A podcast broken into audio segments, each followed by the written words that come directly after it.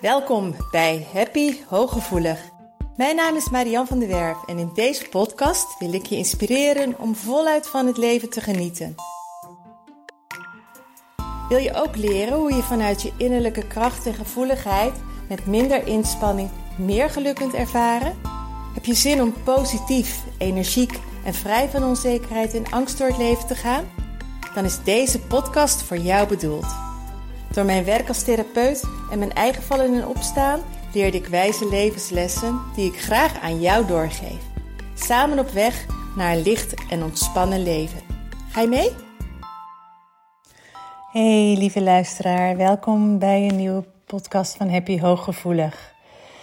Het onderwerp van vandaag, mijn hoofd weet het wel, maar mijn gevoel gaat niet mee. Met andere woorden, ik weet wel dat ik goed genoeg ben, maar ik voel het niet. Of ik weet wel dat ik waarde bied, maar ik voel het niet. Ik weet wel dat mensen van me houden, maar ik voel het niet. Ik weet wel dat ik goed genoeg ben, dat ik waardevol ben, maar ik voel het niet. Gedachten hebben de overhand. Gedachten gaan met je op de loop. Um, gedachten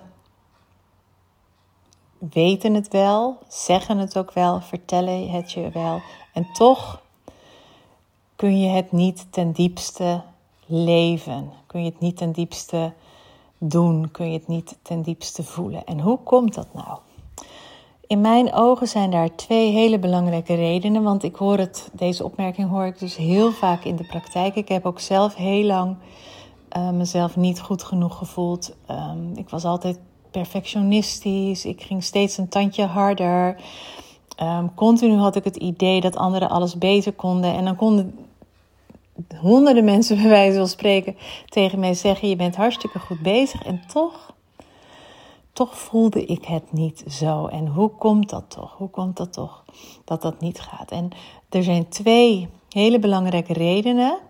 In mijn ogen de twee belangrijkste redenen waarom er een discrepantie is tussen je gevoel en je gedachten. Um, ik begin bij de, de, de eerste, die heel erg te maken heeft met het wel of niet aligned zijn. Als jij namelijk bepaalde gedachten hebt die niet goed voor je zijn, die niet in lijn zijn met wat je nodig hebt, die niet in lijn zijn met je inner being, dan kun jij de meest prachtige gedachten formuleren. Alleen jouw inner being gaat zich daar nooit aan conformeren. En dat is bijvoorbeeld op een moment dat je in een relatie zit uh, die niet meer goed voor je is. Die, uh, waar, waar, waar je echtgenoot bijvoorbeeld niet, eigenlijk niet de juiste partner is. Waar je met onvoldoende respect wordt behandeld. Waar jij niet ten diepste jezelf kunt zijn. Waar er geen um, ruimte is voor jouw gevoeligheid en om je eigen weg te kiezen. Het kan ook op het werk zijn, maar het kan ook gewoon alleen helemaal bij jou spelen. Op het moment dat je dan met je verstand gaat beredeneren waarom bijvoorbeeld iets wel goed voor je is. Stel je voor je van je bent heel erg moe en je hebt geen zin om ergens naartoe te gaan en je gaat met je verstand beredeneren. Ja, maar ze komen ook altijd naar mij toe en het hoort toch zo en het, ik weet dat als ik er ben is het zo gezellig. Als het niet goed is op dat moment voor jou, omdat je behoefte ergens anders ligt, omdat je behoefte hebt aan rust, omdat je behoefte hebt aan stilte. Maar het kan ook zijn dat je behoefte hebt, bijvoorbeeld als een relatie slecht is. Ja, maar we moeten voor de kinderen samen blijven. Ja, maar er zijn ook goede momenten. Ja, maar we zijn al zo lang samen. Ja, maar bij iedere man is er wel wat. Ja, maar ik kan het niet alleen. Ja, maar um, uh, we zijn getrouwd, we moeten er wat van zien te maken. Dat zijn allemaal hele mooie, natuurlijk helemaal waar, op zich waardevolle gedachtegangen. Maar op het moment dat het niet is wat jij ten diepste nodig hebt, op het moment dat het niet meer is wat goed voor jou is, of dat iets jouw pad niet is, ga je niet het gevoel krijgen wat jouw gedachten zo graag zouden willen dat je dat gevoel krijgt omdat het niet je pad is, omdat het niet je weg is. En um, van de week deed ik dat ook nog weer met, met briefjes bij iemand. Dat, doe, dat zeg ik wel vaker. Leg gewoon twee briefjes op de grond, uh, met wel niet bijvoorbeeld. En ga erop staan. en voel welk briefje jou het meest het fijne gevoel geeft. Draai dan het briefje om. De eerste reactie die je dan hebt is je inner being, is je primaire reactie en klopt. Het kan zijn dat je het briefje omdraait en dat je denkt, yes, dat hoopte ik. Maar het kan zelfs ook zijn dat je dan het briefje omdraait en denkt, shit, ik voel een teleurstelling of ik hoopte die andere. Hoe dan ook heb je altijd je antwoord. En juist die primaire ingevingen, daar luisteren we veel te weinig naar. Omdat we geleerd hebben dat het verstand belangrijk is. Dat je geleerd hebt om in je hoofd te zitten. Heel veel hooggevoelige mensen die zijn zo overweldigd geraakt door dat ze allemaal, wat ze allemaal voelen.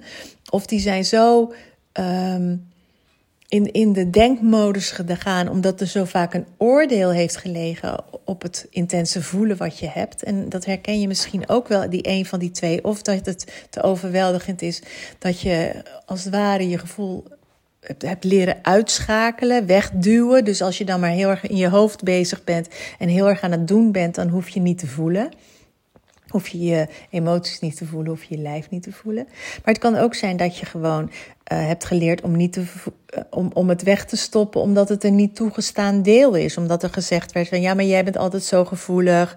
Of pas was iemand en die was heel, ergens heel erg door van streek geraakt. En toen uh, werd er gezegd, nou als je hier je al druk om maakt, hoe moet het dan als er echt iets aan de hand is? Terwijl het eigenlijk een mega iets is waar ze verdriet voor over had. Dus um, als, als jouw gevoel heel vaak gebagatelliseerd is, dan is dat een niet toegestaan deel geworden, min of meer. En dan um, heb je dat ook weggestopt en ben je vooral in die denkmodus gegaan. En um, de kunst is om je inner being weer te gaan voelen, om die primaire reactie weer toe te gaan laten staan, omdat je daarmee in lijn kunt komen met je gedachtegang. Dus het is niet zo dat jouw gevoel mee moet met je gedachtegang, maar het is zo dat je gedachtegang mee mag met jouw behoefte, jouw verlangen en jouw gevoel. En dat kan dus heel ad hoc zijn. Dat kan echt een inspired action zijn. Dat kan echt van het ene op het andere moment zijn. En je kunt dat in het klein al gaan oefenen door bijvoorbeeld als je merkt dat je dorst hebt, om het niet nog een uur uit te stellen, maar om gelijk wat te drinken te halen. Of als je voelt, oh, ik heb even pauze nodig, om toch even die pauze te nemen. Ik had het vanmiddag, we zijn uh, in de paardenbak bezig en dat is best een hele intensieve klus. En op een gegeven moment ging mijn hele lijf mee zeer doen. En toch was ik pas een kwartier of een half uurtje weer bezig na de middag. En ja, ik werd duizelig, het was warm. Ik, ik zeg, ik ga dit echt niet trekken. Toen ben ik naar binnen gelopen. En uh, gewoon even op de grond gaan liggen. Ik heb even een uh, paracetamol ingenomen. Ik heb mijn lichaam even heerlijk laten, tot rust laten komen eigenlijk. Laten strekken een kwartiertje. Zomaar liggen, zomaar eventjes op de koude vloer notabene. Maar het was zo warm buiten. Maar even die... En daarna toen uh, ging het weer. En toen dacht ik ineens, oh, ik kan ook een krukje pakken. Dan hoef ik niet continu op mijn hurken zitten, uur na uur na uur. En ik had ook kunnen denken, dat kan ik niet maken. Want Marco is al veel langer bezig dan ik. We hebben net gegeten. Ik heb net een half uur gezeten. Ik ben net twintig minuten bezig. Hè, mijn hoofd had dat allemaal ervan kunnen vinden. Maar mijn lijf had blijkbaar toch nog eventjes iets nodig. Want daarna had ik gewoon veel minder pijn en veel minder last en ging het veel lekkerder. Toen merkte ik dat ik ineens weer lekker zat te fluiten. Als ik het naar mijn zin heb, fluit ik namelijk altijd. Dat is de eerste. De tweede, die is wat minder makkelijk um, te ontdekken en op te lossen. Alhoewel die wel heel snel opgelost kan worden soms. Is op een moment dat er een dusdanige kernopvatting is ontstaan vanuit um, onveiligheid bijvoorbeeld. Er zijn, er zijn vier, over het algemeen zijn er vier kern, heel, hele hardnekkige kernopvattingen waar je zoveel last van kunt hebben, uh, omdat het toch een onderliggend trauma aangekoppeld is, waardoor je Um, of, eh, of er een zo'n heftige situatie is geweest, waardoor je die overtuiging bent gaan geloven, die kernopvatting bent gaan geloven, jouw waarheid is geworden en jouw innerlijke criticus continu ervoor zorgt dat je in die modus, denkmodus blijft en daarmee ook in de gevoelsmodus. Dat is of um, ik ben machteloos, ik kan niets, ik heb er geen geen grip op, ik kan dat niet, ik kan dat niet aan. Dat soort termen. Of ik ben waardeloos, ik ben niet goed genoeg, Ik doe er niet toe. Ik ben niet genoeg. Dat is het tweede. Ik ben schuldig. Ik schaam me. Die is heel erg gekoppeld aan een enorme hoge verantwoordelijkheid. Ik ben overal verantwoordelijk voor. Ik moet een ander gelukkig maken. En de laatste is: ik ben in gevaar. Het is niet veilig. En als die onbewust een rol speelt, zal jouw hele systeem bij het minste of geringste ervoor zorgen dat deze, um, dat deze niet gevoeld hoeft te worden. Of dat deze juist wel gevoeld wordt om jou in de, in de modus te blijven houden waarin jij al zit. Stel je voor dat jij echt bent afgekeurd vanwege je hoofdgevoeligheid. Dat mensen jou zwak vinden, slap vinden, overgevoelig, te introvert, te bekrompen, te zeurderig, te, nou ja, noem maar op. En daarbij is de overtuiging ontstaan: ik ben niet goed genoeg. Dan kun jij wel tegen jezelf zeggen: joh, je bent wel goed genoeg. Maar die kernopvatting, die heb je in het leven gebracht om in de aanpasmodus te schieten, zodat mensen jou wel goed genoeg vinden. Dus op het moment dat jij gaat geloven, ik ben goed genoeg zoals ik ben, zou dat betekenen dat je dus niet meer hoeft aan te passen en dat jij dus jezelf mag, mag zijn. Maar daarmee voelt het heel erg onveilig gelijk en voelt het heel erg um, om, niet pluis of uit je comfortzone, omdat je dan denkt: ja, maar wat gebeurt er? Als ik nu mezelf ben, dan komt die afkeuring weer. Dan komt die pijn weer, dan komt dat verdriet weer. En daartegen heb ik mezelf beschermd door in die aanpasmodus te gaan. Om mezelf te zeggen: je bent niet goed genoeg zoals je bent.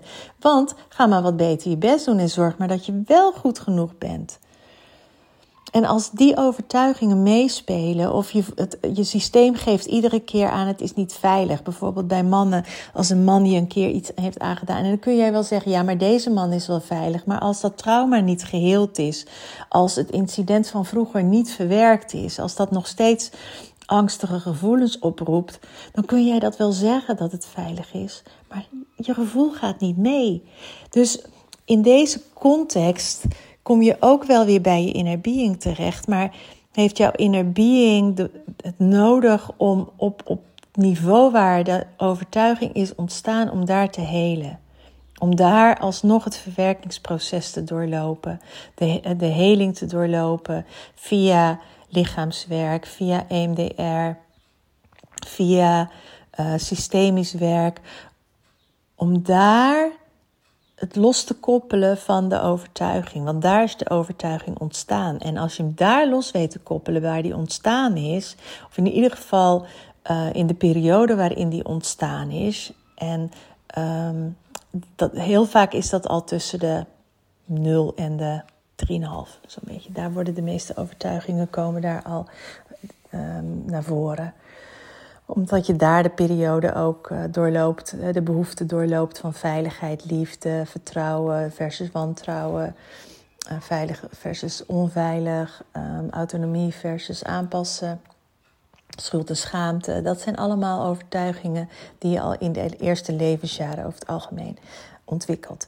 En daar kun je er dus heel veel winst mee behalen op het moment dat je ze daar dus gaat helen en daar er een neutrale herinnering Ehm, van maakt. En daarna heb je kans dat de overtuiging juist dus wel heel erg goed om te buigen is. En dat je het wel je nieuwe waarheden echt heel erg kunt voelen. Daar komt Floor binnen, die is wezen wandelen. Daar komt Marco binnen, die is wezen wandelen. Ehm, eigenlijk ben ik ook klaar met mijn verhaal voor deze keer. Dus ik hoop dat je hier heel veel aan hebt en dat je goed ook nu kunt inschatten waarom, als het bij jou dus speelt, waarom jouw gevoel niet meegaat en ook wat je te doen hebt. En lukt het je niet alleen, zoek gewoon iemand die uh, jou daarbij kunt helpen. Uh, mocht je dat met mij willen doen, dan ben je ook van harte welkom uh, bij mij hier via Zoom of in de Pipowagen. kijk dan even op um, zienswijs.nl of stuur een mailtje naar marian.zienswijs.nl.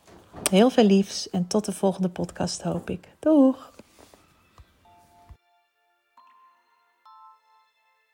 Dank dat je luisterde naar Happy Hooggevoelig. Heeft deze podcast je nieuwe inzichten gegeven?